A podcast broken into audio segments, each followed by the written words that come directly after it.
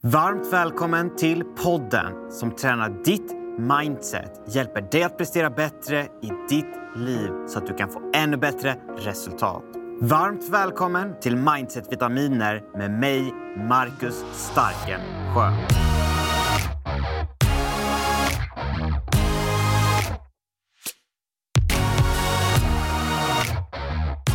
Välkommen till dagens avsnitt av Mindset Vitaminer med mig, Marcus Starkensjö. Och en stor high five till dig för att du är här och nu, just nu och lyssnar på det här avsnittet. För dig själv, för din personliga utveckling. I dagens avsnitt så kommer vi att prata om Använder du piskan eller moroten i ditt liv? Jag hade ett möte igår med en av mina klienter som är med i ett av mina rådgivningsprogram. En otroligt driven man som är framgångsrik professionellt. Och för ett par veckor sedan så hade vi vårt första individuella möte där han berättade om ett par utmaningar som han hade haft när det kommer till träning, när det kommer till kost och hur han kände att det här påverkade honom och höll honom tillbaka från att prestera ännu bättre i det professionella. Så det vi gjorde var i vårt första möte att vi gick igenom ett par saker kring det här. Och hans utmaning hade varit att han hade börjat träna, börjat haft disciplin när det kommer till kosten och sen slutat. Och det här hade han haft gång på gång. Precis som en jojo så hade han startat, slutat, startat, slutat. Och kanske känner du igen dig och har gjort det här i ditt liv inom något område oavsett om det handlar om relationer, om det handlar om karriär, om det handlar om företag, om det handlar om kost eller träning. Så vi hade ett otroligt bra första möte där vi gick igenom de här delarna och inför vårt andra möte som var igår så fullständigt lyste det om honom. Han hade ett så stort leende på läpparna så att det var helt magiskt. Och Det var som om han hade hittat nyckeln till en stor skatt. Han hade hittat en nyckel till hur han fungerar. För i hela sitt liv så berättade han att innan vi hade vårt första möte så hade han använt sig av strategin att pusha sig själv, pressa sig själv hårdare, piska sig, pusha sig i alla områden i sitt liv. Och vissa gånger hade han lyckats gjort det här framgångsrikt, men alltid så slutade han till slut.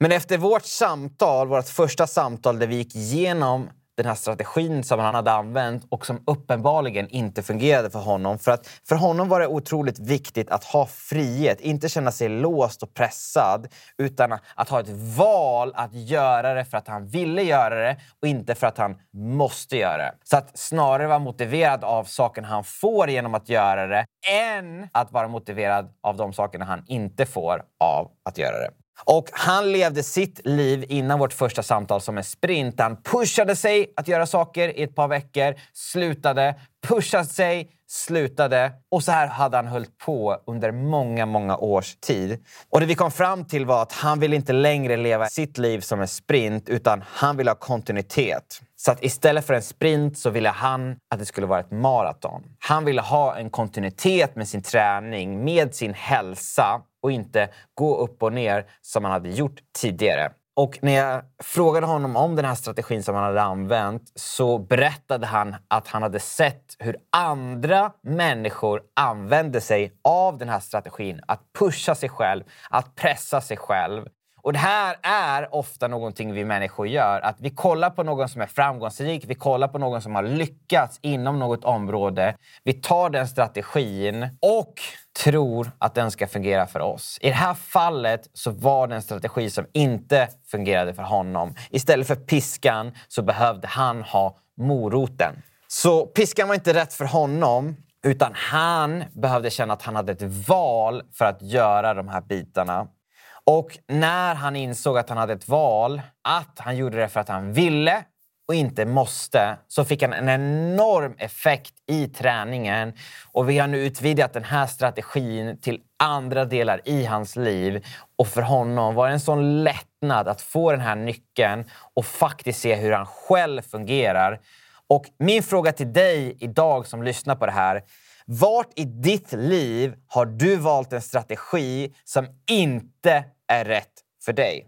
som du kanske har plockat upp längs vägen. Du har kanske inte reflekterat över om den faktiskt fungerar, om den faktiskt är rätt för dig. Oavsett om det handlar om hälsan, oavsett om det handlar om din karriär, ditt företag, dina relationer. Vart i ditt liv har du bara plockat upp en strategi längs vägen, men den här strategin är inte rätt för dig?